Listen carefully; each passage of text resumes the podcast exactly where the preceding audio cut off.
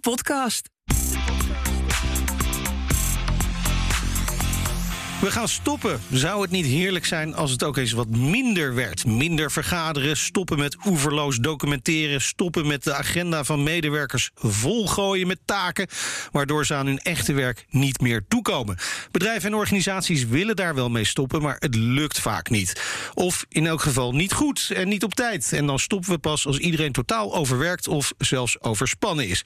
Hoe kunnen we nou wel goed stoppen? Daarover gaat deze podcast. Ik ben Meijnerd Schut en maak Stop, de podcast samen met Marije van den Berg, stopstrateeg en schrijver van het boek Stop, Stopstrategie voor organisaties.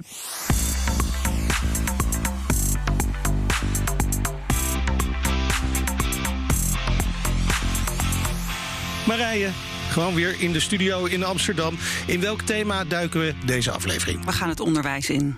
En we gaan het niet hebben over leren, maar over afleren. Nee zeggen tegen druk van buiten. En over leiderschap. De rol van het management bij afleren. Stoppen tegen de bierkaai in.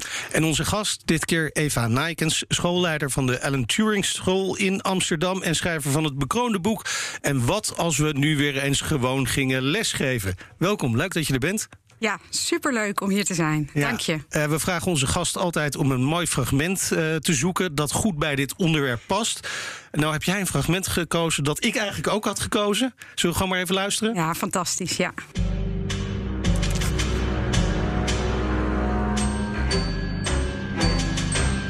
Lieve, lieve klas. Ik heb de toets nagekeken. En ik heb geweldig nieuws. Jullie hebben allemaal een voldoende. Klas! Behalve jij. nee, een grapje. Jij ook. Oh. Tja. Of nee, toch niet? Jawel. Je hebt een voldoende. En de rest heeft onvoldoende. Wat? En jij ook. De hele klas heeft een onvoldoende. Allemaal onvoldoende. Ja, heerlijk fragment uh, natuurlijk van Roentvonk. Wij doen dit thuis heel vaak na. Wij ook. Ja? ja, het is zo lekker. Maar is dit, heb, je, heb je zelf ooit ook wel eens zoiets in de klas willen doen? Nou, in de teamkamer doen we dit soort oh, dingen ja. regelmatig na. Dat is echt. Uh, ons team speelt heel vaak fragmentjes na. Vinden we geweldig. Ja. Maar zegt dit ook nog iets? Nou, het zegt absoluut wat. Want het, het zegt wat, wat er gebeurt als je verwarring uh, schept. Ik denk dat, dat, uh, dat hij natuurlijk eerst begint met iedereen heeft een voldoende en uh, iedereen blij. En het lijkt ook soms wel een beetje op ons als organisatie van... nou, we gaan deze kant op, maar we gaan toch die kant op.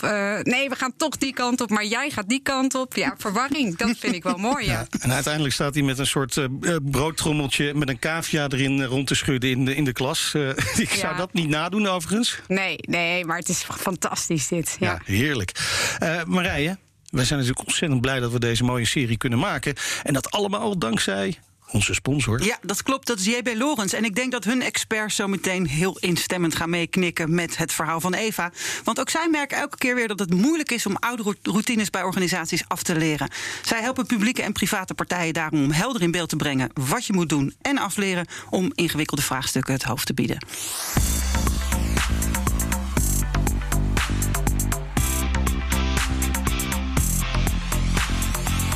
Eva, het onderwijs in Nederland had het al niet makkelijk. Hè, door uh, onder meer de hoge werkdruk, wordt veel genoemd.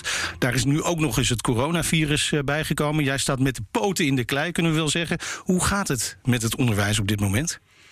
Nou, het is denk ik voor het VO wel een stuk complexer dan voor het PO. Uh, maar ook wij moeten vooral in Amsterdam, daar kan ik natuurlijk over praten, echt wel alle zeilen bijzetten om het, ja, het onderwijs door te laten gaan.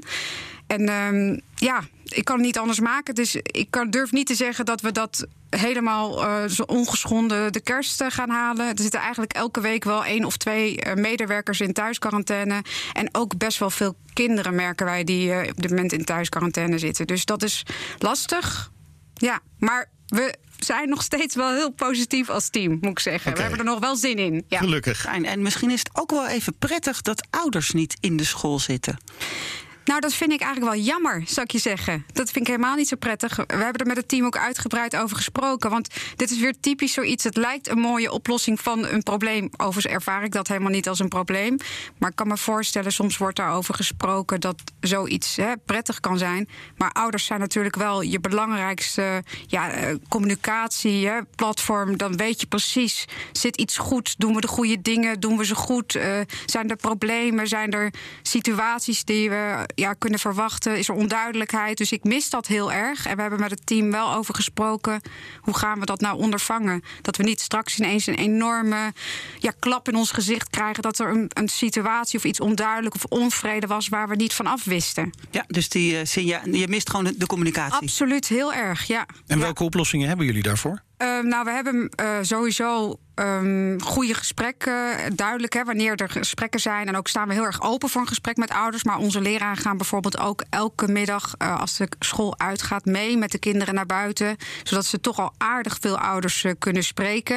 En we hebben, ik heb ze echt wel op het hart gedrukt van zorg dat je zeker zoveel mogelijk korte lijntjes met ouders houdt. Dus als je een week ze niet gezien hebt, ga dan eventjes uh, ja, even een haakje uitgooien van hey, is er wat? Kunnen we wat doen? Nou, ja, al is het maar om te horen dat het pluis is. Precies, ja. En ook maak ik een hele goede, ja, probeer ik een hele goede informatieve nieuwsbrief te maken. Waarbij ouders ook zien waar we mee bezig zijn wat ons onderwijs op dit moment inhoudt. Want dat zien ze natuurlijk niet. En wat ook onze leraren doen, is elke week of eh, in ieder geval regelmatig een berichtje sturen met foto's of filmpjes uit de klas. Van waar zijn we mee bezig. Dat er echt contact blijft. Ja, mooi. Ja, dus wel belangrijk dat contact met ouders, hoewel ze natuurlijk ook die invloed van buiten zijn, waar we het straks misschien uh, nog wat uitgebreider over gaan hebben. Ja. Je hebt een boek geschreven samen met Martin Bootsma. En wat als we nu weer eens gewoon les gaan geven? Dat is de titel. Beste onderwijsboek van 2018. En alleen de titel al klinkt als een enorme opluchting voor veel docenten, kan ik me zo voorstellen. Ik had dat gevoel in ieder geval. Ik ben niet eens een docent. Nee. Maar wat was nou de reden om dat boek te schrijven? Nou, eerst even die titel, want er is een boek uh, dat bestaat. En wat als we weer gewoon gingen opvoeden? En ik heb kinderen. En toen de kinderen klein waren, had ik altijd hele grote, verschrikkelijke uh, crisismomenten in mijn, in mijn hoofd. En toen heb ik dat boek gekocht en daar stonden zulke verschrikkelijke situaties in beschreven over opvoeding. En toen dacht ik altijd. Zo erg is het bij mij niet. Dus dat geeft, dat gaf, ik heb dat boek ook. Ja, dat ja. gaf me zoveel troost. Dat heeft me zo. Dus ik zei tegen Martin: we gaan een boek schrijven en dat wordt de titel. Dat hebben we al zeven jaar geleden tegen elkaar gezegd. Dus voordat we überhaupt okay. aan begonnen. Maar uh, jij vroeg waarom we het boek hebben geschreven. Ja. Nou, ik eerlijk gezegd ik kan het je gewoon niet vertellen. Het is een volledige uiteenstorting van ideeën en energie waar we eigenlijk jaren al mee rondliepen. Uh, mijn vorige werk werd ik schoolleider. En toen kwam ik om in het werk. En toen dacht ik: hoe ga ik deze baan ooit leuk vinden? Hoe ga ik grip krijgen op dit werk? En toen heb ik ja, handvatten gevonden om het werkbaar te maken. Nou, dat heb ik al die tijd mee gewerkt. Toen ontmoette ik Martin. Martin is leraar en nou, een hele stevige leraar. Die laat zich niks uh, aanpraten. Dus al onze gesprekken hebben ertoe geleid dat ik dacht... ik heb allerlei ideeën, maar die, daar klopt weinig van. Want die ideeën die ik heb, een kwaliteitsaanpak is het eigenlijk... die moet door de bril van de leraar worden ontwikkeld. Alle processen in onze school moeten door de ogen en de bril van de leraar... want die moet ermee werken, die moet het kunnen uitvoeren. Alles wat ik doe, moet door die bril, hè, door, die, door dat de trechter heen kunnen. En uh, nou, dat, dat, dat, is de grote omslag geweest. En toen hebben we dat allemaal in dat boek geschreven. En dat, dat, daar staat. Ik had nooit verwacht dat het een succes zou worden. Nou, Eva, het is echt. Het is, nou, ik durf zomaar te zeggen. Dit emotioneert me bijna. Ja. Het is echt be best wel een beetje pathetisch hoor, Meinert. Maar even goed. Uh, het feit dat je uh, hebt gezien van ik doe het op een bepaalde manier als leider, manager, de baas. Uh, en dat als je een boek wil gaan schrijven, dat je dan bedenkt: dit moet door de ogen van de leraar kunnen, door de trechter van de leraar. Ik heb net uh, mijn eigen boek voor Martin neergelegd. En daarin heb ik wel gezegd dat ik altijd een beetje bang ben van, van Martin. Ik ken hem helemaal niet, maar hij is super ja, streng. Oh ja? Ja, echt. Nou, ouderwetse strenge leraar. Oh, ik weet het niet, maar echt. echt dus zijn, zijn, maar dat komt omdat, uh, en dat zit heel erg in dat boek, de kwaliteitslat extreem hoog ligt. En uh, dat vond ik toen ik het boek las. Ik was toen bezig met een onderzoek naar geldstromen in het basisonderwijs. Ja. En toen heb ik dat boek gelezen en toen dacht ik, ja, maar dit boek gaat niet alleen maar over onderwijs. Dit boek gaat over hoe je dat goed doet. Van een kijk op de zaak naar goede ja. uitvoering. En nou ja, dus ja. iedereen moet het lezen. Maar, maar, maar, het is ook echt interessant hè, om de leraar centraal te zetten. Want veel mensen zullen in een reflex springen van het kind moet centraal. Ik denk dat we dat ook heel lang hebben gedaan. En je ziet nu ook in het bedrijfsleven dat mensen meer zeggen... misschien moeten we de klant niet centraal zetten, maar de medewerkers. Ja, nou, het is natuurlijk ook... dat zijn van die holle frasen. Waar, daar kan ik me trouwens mateloos aan ergeren, hoor. Kind centraal, Tuurlijk, ik hou van mijn kinderen. En natuurlijk houden wij ongelooflijk van kinderen. Willen we ze het allerbeste bijbrengen. En ook klanten. Maar ik zeg altijd tegen iedereen: als jij ooit een verzekeringsmaatschappij belt met een klacht of een vraag. heb jij je ooit één seconde centraal gestaan gevoeld? Nooit. Dus het zijn echt ook een beetje leugens. Dus ik denk, uh, laten we stoppen met het verkopen van uh, onzin. En laten we het eerlijke verhaal vertellen. En dat betekent, de school wordt gewoon beter als de leraren betere leraren zijn. En daar moet je je in de school volledig op richten. En die leraren, dat zijn geen goochelaars. Die kunnen niet duizend kunstjes uitvoeren. Die kunnen gewoon een aantal dingen heel goed. En door, door je daarvan bewust te zijn, krijg je ook betere leraren in de klas. Maar ik ben ervan overtuigd. We hebben net het boek voor het VO geschreven. Dat komt in november uit. onderwijs, ja. voor de niet, Voortgezet uh, onderwijs. Jargon. Uh. Ja, eh, sorry. Maar dat, dat het ook, uh, dat is al een generieker managementboek geworden, omdat het veel grotere organisaties zijn. Maar bijvoorbeeld uh, de jeugdafdeling van, of de jeugdopleiding van Sparta heeft het ook ingevoerd. Het is gewoon een manier van denken en kijken naar, naar processen en organisaties en hoeveel je aan kan als organisatie. Het is eigenlijk een heel simpel verhaal. Ja, simpel, maar niet eenvoudig. Ik vind nee. het wel een heel mooi bruggetje naar een, uh, nog, een, nog een klein fragmentje. Meijnerd. Nou, inderdaad. Uh, uit Zondag met uh, Lubach komt dat. Meer de natuur in. Kunst. Chinees. Techniek. Geschiedenis. Ik wil heel graag langer buiten spelen. Meer aandacht voor muziekonderwijs en filosofie. Blote voeten in het gras. Dans. Dat ze meer lessen hebben over dieren. Laatst is een regendruppelproef op hun tong.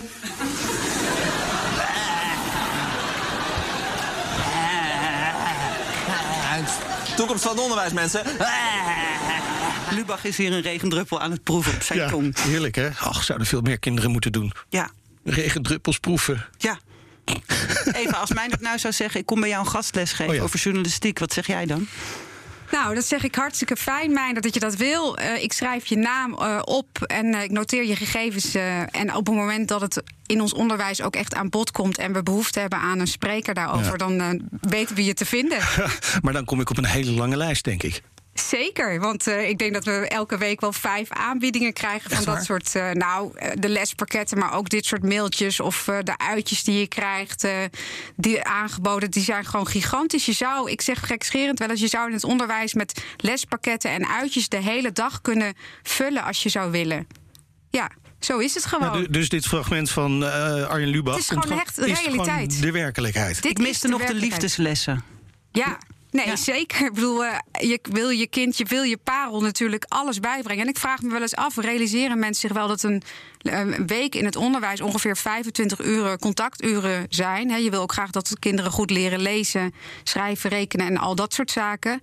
Dus dan moet je dus keuzes maken, want je kan niet alles doen. Dus ik zeg heel prima, als jij dat wil, he, die regendruppel dan, uh, nou, dan geen spelling uh, die week of die dag. Ja, ook prima. Ja. Maar dat is eventjes heel hard gezegd de keuze. En ik denk ook wel eens van, ja, ik ben ook ouder.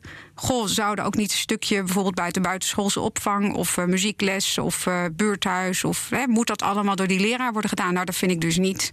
En je, het lijkt, je zegt het is heel simpel. Je zet nu ook weer een paar deuren open. Als je een regendruppel wil proeven, kan je in op dat moment niet een spellingsregel leren. Ik kan daar geen spel tussen krijgen. Hoe komt het dan toch dat het zo ingewikkeld is op scholen om dat buiten de deur te houden? Nou, dat is voor een deel natuurlijk ook dat er, denk ik, toch marktwerking in het onderwijs is. Al die verschillende concepten, dat je ouders uh, graag ja, dat je onderscheidend wil lijken, dat zie je natuurlijk niet alleen in het onderwijs, dat zie je bij heel veel bedrijven. Maar als je echt sec naar een school kijkt, zeker naar een basisschool, maar ik denk voor een VO-school voor een deel ook, dat we wel 90% hetzelfde zijn. Dat we dezelfde dingen doen. En dat we een klein beetje maar onderscheidend zijn, maar dat accepteren dat het zo is. En dat een jaarplan in een basisschool jaar in jaar uit toch wel erg op elkaar lijkt. En dat we dezelfde dingen doen, jaar in jaar uit. En dat ik elk jaar dezelfde soortige nieuwsbrieven in januari, februari en maart verstuur.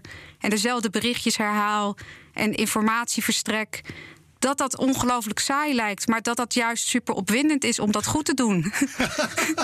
Je gaat er zelf wel bij lachen, maar het is gewoon copy-paste. Uh, heel veel. Ja. Heel veel wel. En ik denk, maar daar schamen we ons kapot voor. Maar, het is helemaal niet om je voor te schamen. Het is wel interessant. Ik, ik, moest gelijk denken, mijn, mijn zoon is uh, anderhalf jaar geleden naar de middelbare school gegaan. Voor het gezet onderwijs. En we waren natuurlijk naar scholen aan het kijken. Hij heeft zelf school uitgekozen. Maar waarmee ze zich onderscheiden was het extra pakket. Allemaal. Ja. Dus niet gewoon de basis, maar alles wat ze daarbovenop doen. Ja. En dat ja. is precies wat jij bedoelt van jongens, ja. waar zijn we nou eigenlijk mee bezig? Ja, en dat is uh, in het VO misschien nog wel weer wat makkelijker. En uh, in het PO denk ik dat onze basis is natuurlijk niet voor niks een basisschool. En daar hebben we gewoon een hele duidelijke opdracht. En dat is toch kinderen de basisvaardigheden aanleren. Daar hoort ook burgerschapsvorming bij, daar hoort ook sociale veiligheid bij. En natuurlijk horen daar culturele vakken bij. Hè. Dat is best een breed uh, aanbod, al wat je kinderen moet bieden. Nou ja, en dan is het eigenlijk wel een beetje gedaan met de tijd. En alles wat je daar bovenop belooft, wordt of uh, verdunning van wat je Ja. doet. Hè, dus het wordt een soort ja, minder goed wat je doet.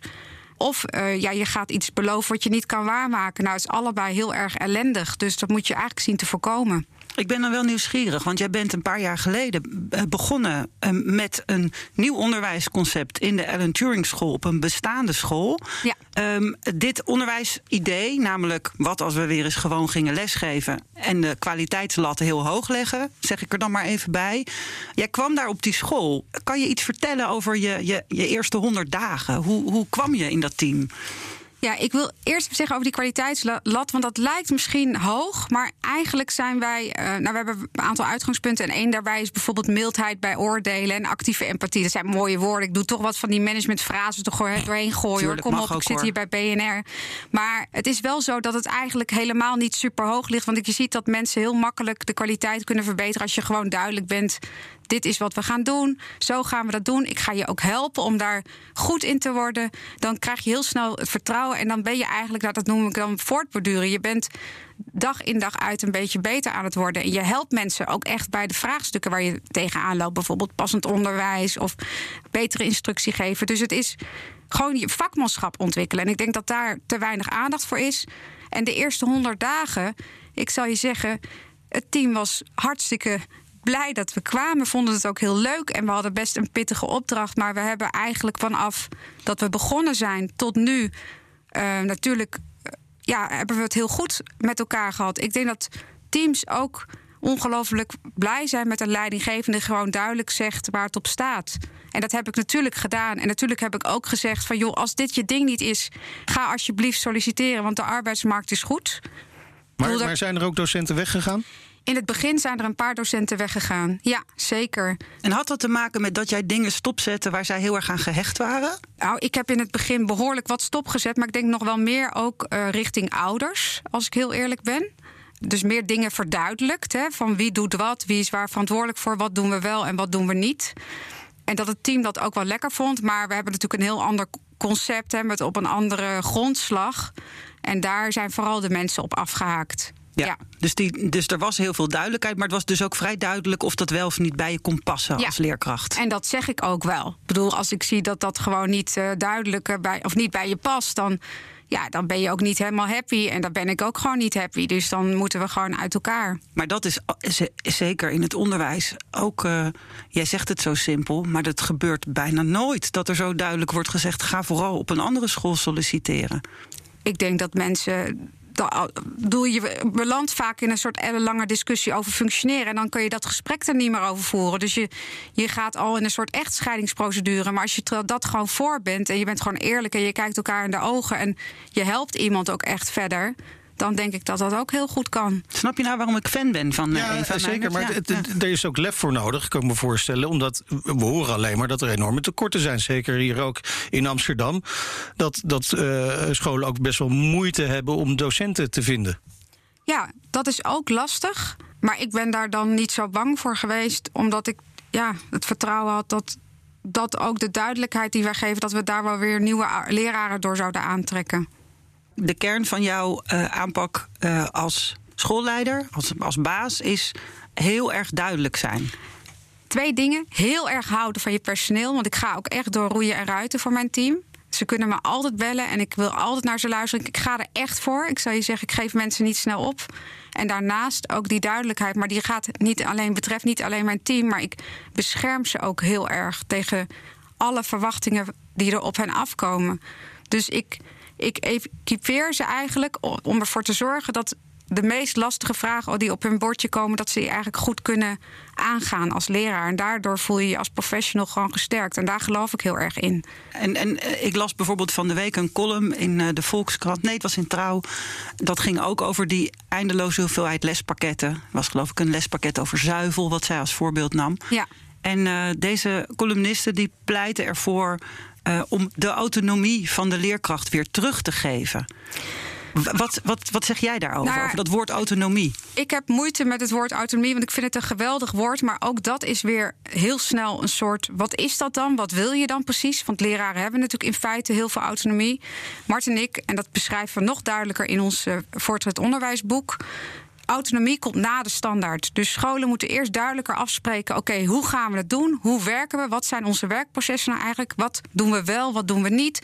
Als er een situatie is, bijvoorbeeld een leerling moet vertragen, die, die moet er wat langer over doen, dan kan je ervan op aan dat er bij ons hele goede stappen worden gezet. Dat we goed nadenken met elkaar, dat ouders daar goed bij worden betrokken tijdig. Weet je, dat wordt volgens een professionele standaard uitgevoerd.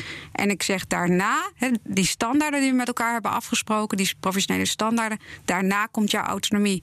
En daar is nog meer dan genoeg ruimte voor leraren, maar niet in het wilde weg. Ga maar lekker je gang, want dat heeft het onderwijs gewoon nooit veel goeds opgeleverd.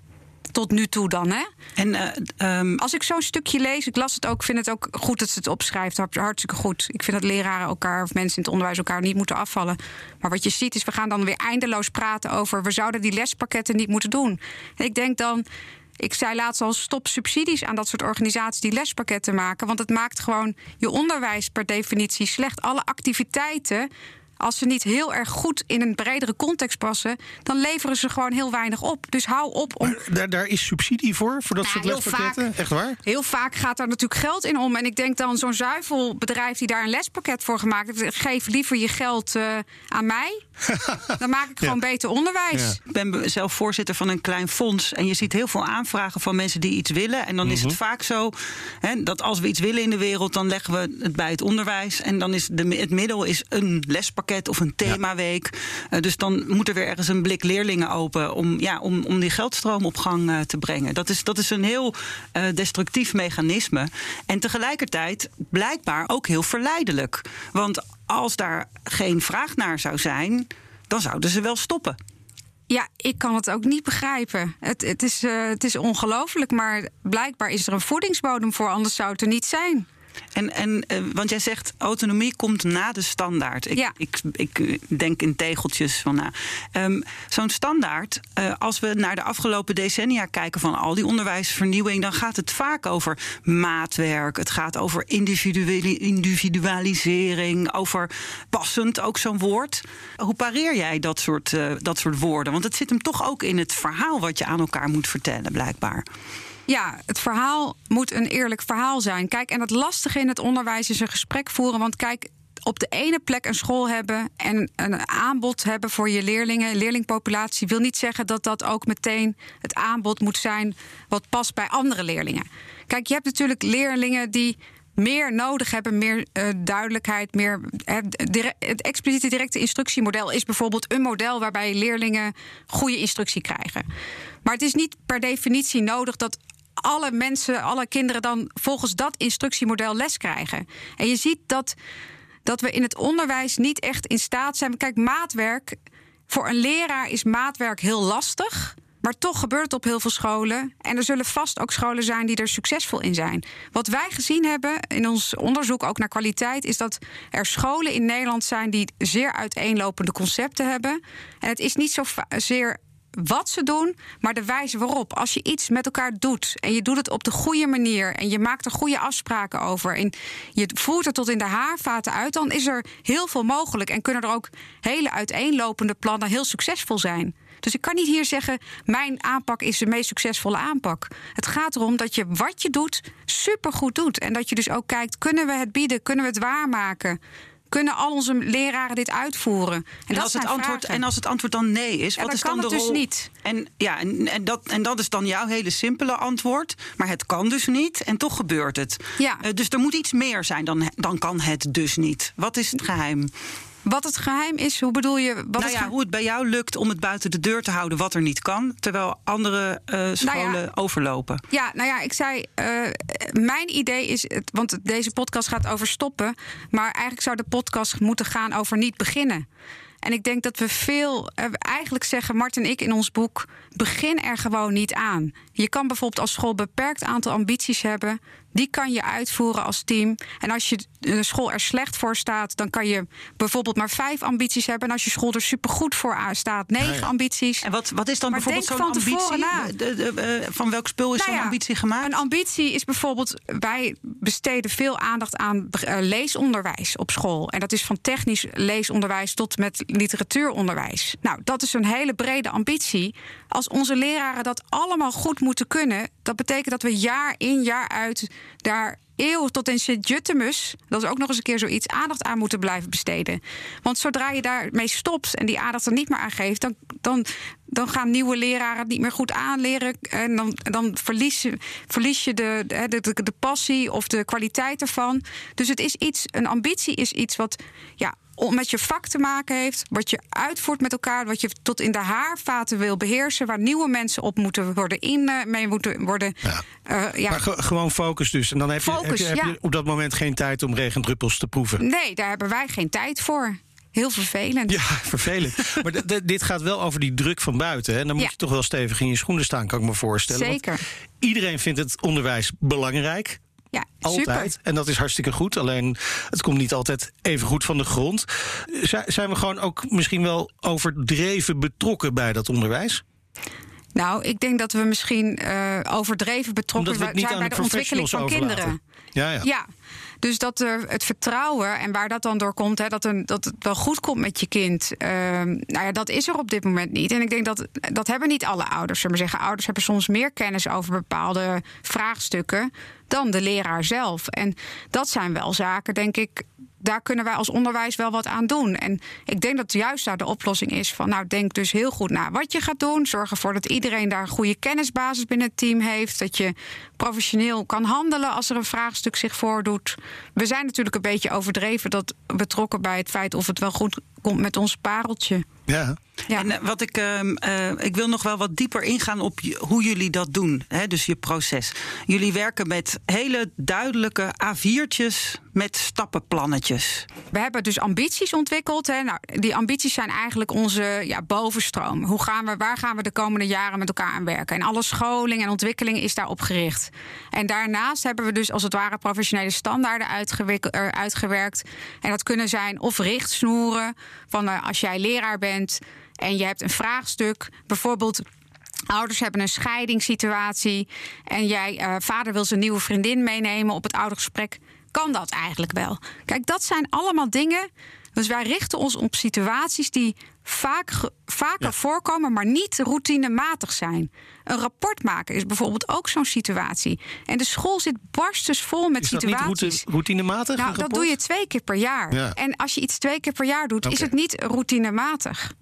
Want dat is het gewoon niet vaak genoeg. Ik merk ook als ik eh, in een systeem moet om iemand ziek te melden. Ik heb niet zoveel zieke mensen. En dan zit ik weer te denken: hoe ging dat ook alweer? je dan ben ik het gewoon is kwijt. iedereen toch weer kwijt. Nou, alles wat je kwijt bent, maar wel belangrijk is.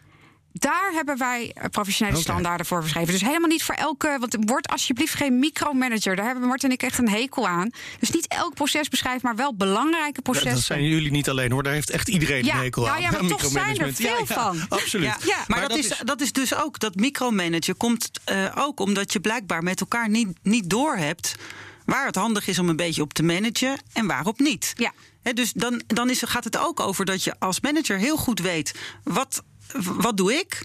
En wat doen in dit geval de leerkracht, wat doet het team, wat doen medewerkers? Hoe kom je daarachter? Nou ja, daar gaat eigenlijk ons boek dus over. En ik denk dat het daarom ook zo'n succes is. Want het is dus heel moeilijk om daarachter te komen. Er is, alles kan in het Nederlands onderwijs. Je hebt zoveel vrijheid dat mensen niet weten ja, waar je dan achter moet komen. Of hoe, hoe je iets nieuws moet invoeren. Hoeveel tijd je daarvoor uit moet trekken. Dat, dat wordt ons schoolleiders bijvoorbeeld ook nauwelijks aangeleerd. Daar zijn, wij krijgen ook allemaal dan een schoolleidersopleiding. Maar daar is gewoon veel te weinig aandacht voor. En, en uh, wat ik je dan, uh, dat vul ik in, dus dat check ik dan bij je. Wat ik je hoor zeggen is, daar, je weet eigenlijk niet wat er allemaal achter ergens ja tegen zeggen wegkomt. Nee. Hoeveel tijd het kost om het goed te doen, om het structureel te doen. Dus je zegt te makkelijk ja, omdat je denkt, leuk. Leuk, of het moet misschien van iemand. Hè, of je voelt de druk dat het moet. Ja. Uh, ja, of het lijkt gewoon leuk. Uh, wij komen wel eens op scholen en die dachten gewoon hartstikke leuk. Een website tot de barstjes vol met allerlei leuke nieuwe ideeën. Maar er was helemaal niks meer van terug te zien in de school. Maar wel, ja, we hebben het gewoon gedaan.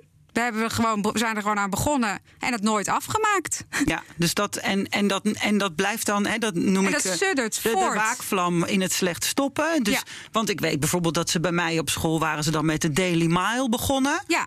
Nou, sommige klassen doen het wel, andere niet. Nou ja, En dat is dus grappig. Daar zijn wij dus ook mee begonnen toen wij die school begonnen. Wat is dat? De Daily Ja. Mile is dat je elke dag een stukje loopt of oké. hard loopt. Ja, Ja, nou ja, en daar zijn wij ook de mee begonnen. dagelijkse kilometer. Mag ook. Ja, dat mag, nee, maar heet de Daily Mile. Ja, heet ja, het is iets meer. Ja. Ja. Ja. nee, eh, wij begonnen daar ook mee. En wij zitten midden in het centrum van Amsterdam. En toen kwamen we met in de situatie dat daar een schietpartij eh, was geweest in, de, in onze buurt van onze school.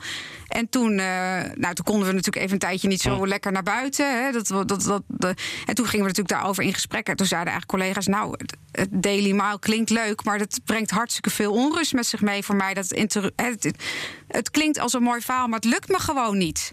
En toen hebben we het uiteindelijk gestopt. En heb je dat dan, want dat is dus heel belangrijk bij stoppen, dat je dat dan ook aan iedereen weer duidelijk communiceert. Dus dus in jouw tegen de ouders gezegd en ook met de MR besproken en ook uitgelegd. Ja, en ik vind dat ook heel vervelend. Maar ik leg wel uit dat het, dat het gewoon niet lukt. Ja. Ja. En inmiddels heb je dan, dan wel voldoende gezag en krediet dat mensen dat dan ook geloven en zelf wel inzien. Ja. Ja, omdat we er ook heel veel moois tegenover zetten. Kijk, eh, wat je bij ons krijgt is gewoon goed onderwijs. Hè, wat, wat goed in elkaar zit.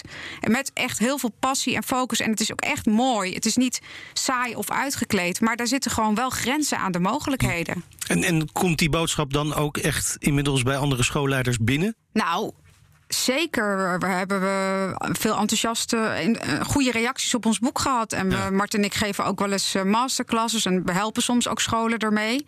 Dus ik denk dat het echt eh, heel positief is ontvangen. We hebben eigenlijk van niemand een negatieve reactie gekregen. En de politiek? Zeker. Nou, één keer allemaal voor deze ellende, zullen we maar zeggen, met corona zijn we ook op het katshuisoverleg geweest om te praten over kwaliteit. En eh, met minister Slop eh, van Onderwijs over gesproken. En die is ook een keer bij ons op school komen kijken. Maar kijk, uiteindelijk is het altijd lastig. Want natuurlijk doe ik dat ook binnen mijn school met enorme energie en passie. En ik hou echt van mijn schooltje. Dus eh, ja, dan, dan ben Dat je er tijd voor hebt om die dingen te doen. ja. Ja, dat is ook heel erg gek. Ja, maar dat, ik, ik kan gewoon wel. eh, ja, soms lukt het ook niet zo goed hoor. Ik bedoel, eh, ja. Maar ik, ik probeer het bij elkaar passend te maken. Ja. Maar, wa- want als wij kijken naar de politiek, en ik ben toch een buitenstaander, hoewel ik ook kinderen heb die op school zitten, maar toch buitenstaander, dan horen wij veel verhalen vanuit het onderwijs. We hebben het te druk met allerlei dingen. Eh, we, kunnen dat allemaal niet doen. We moeten meer, eh, de, werkdruk moet omlaag. En vanuit de politiek horen we altijd, ja, het onderwijs moet anders. De zoveelste onderwijsvernieuwing. Ja, nou ja, de politiek zegt inderdaad het onderwijs moet anders. En eh, de werkvloer zegt er moet geld bij. En om het onderwijs te verbeteren. Nou, voor een deel vind ik ook wel, hè, dat komt uit het McKinsey-rapport ook, dat er Ja. te weinig middelen naar het onderwijs gaan. Maar daarvan, eh, wij, dat zegt Martin altijd heel mooi. Je organiseren. We zijn ook heel erg goed in het onderwijs om het organiseren van onze eigen werkdruk. En dat zit hem vooral in deze zaken. Want ik probeer altijd maar ja, voor ogen te houden: je bent leraar, je geeft les en je moet bijvoorbeeld op een uitje.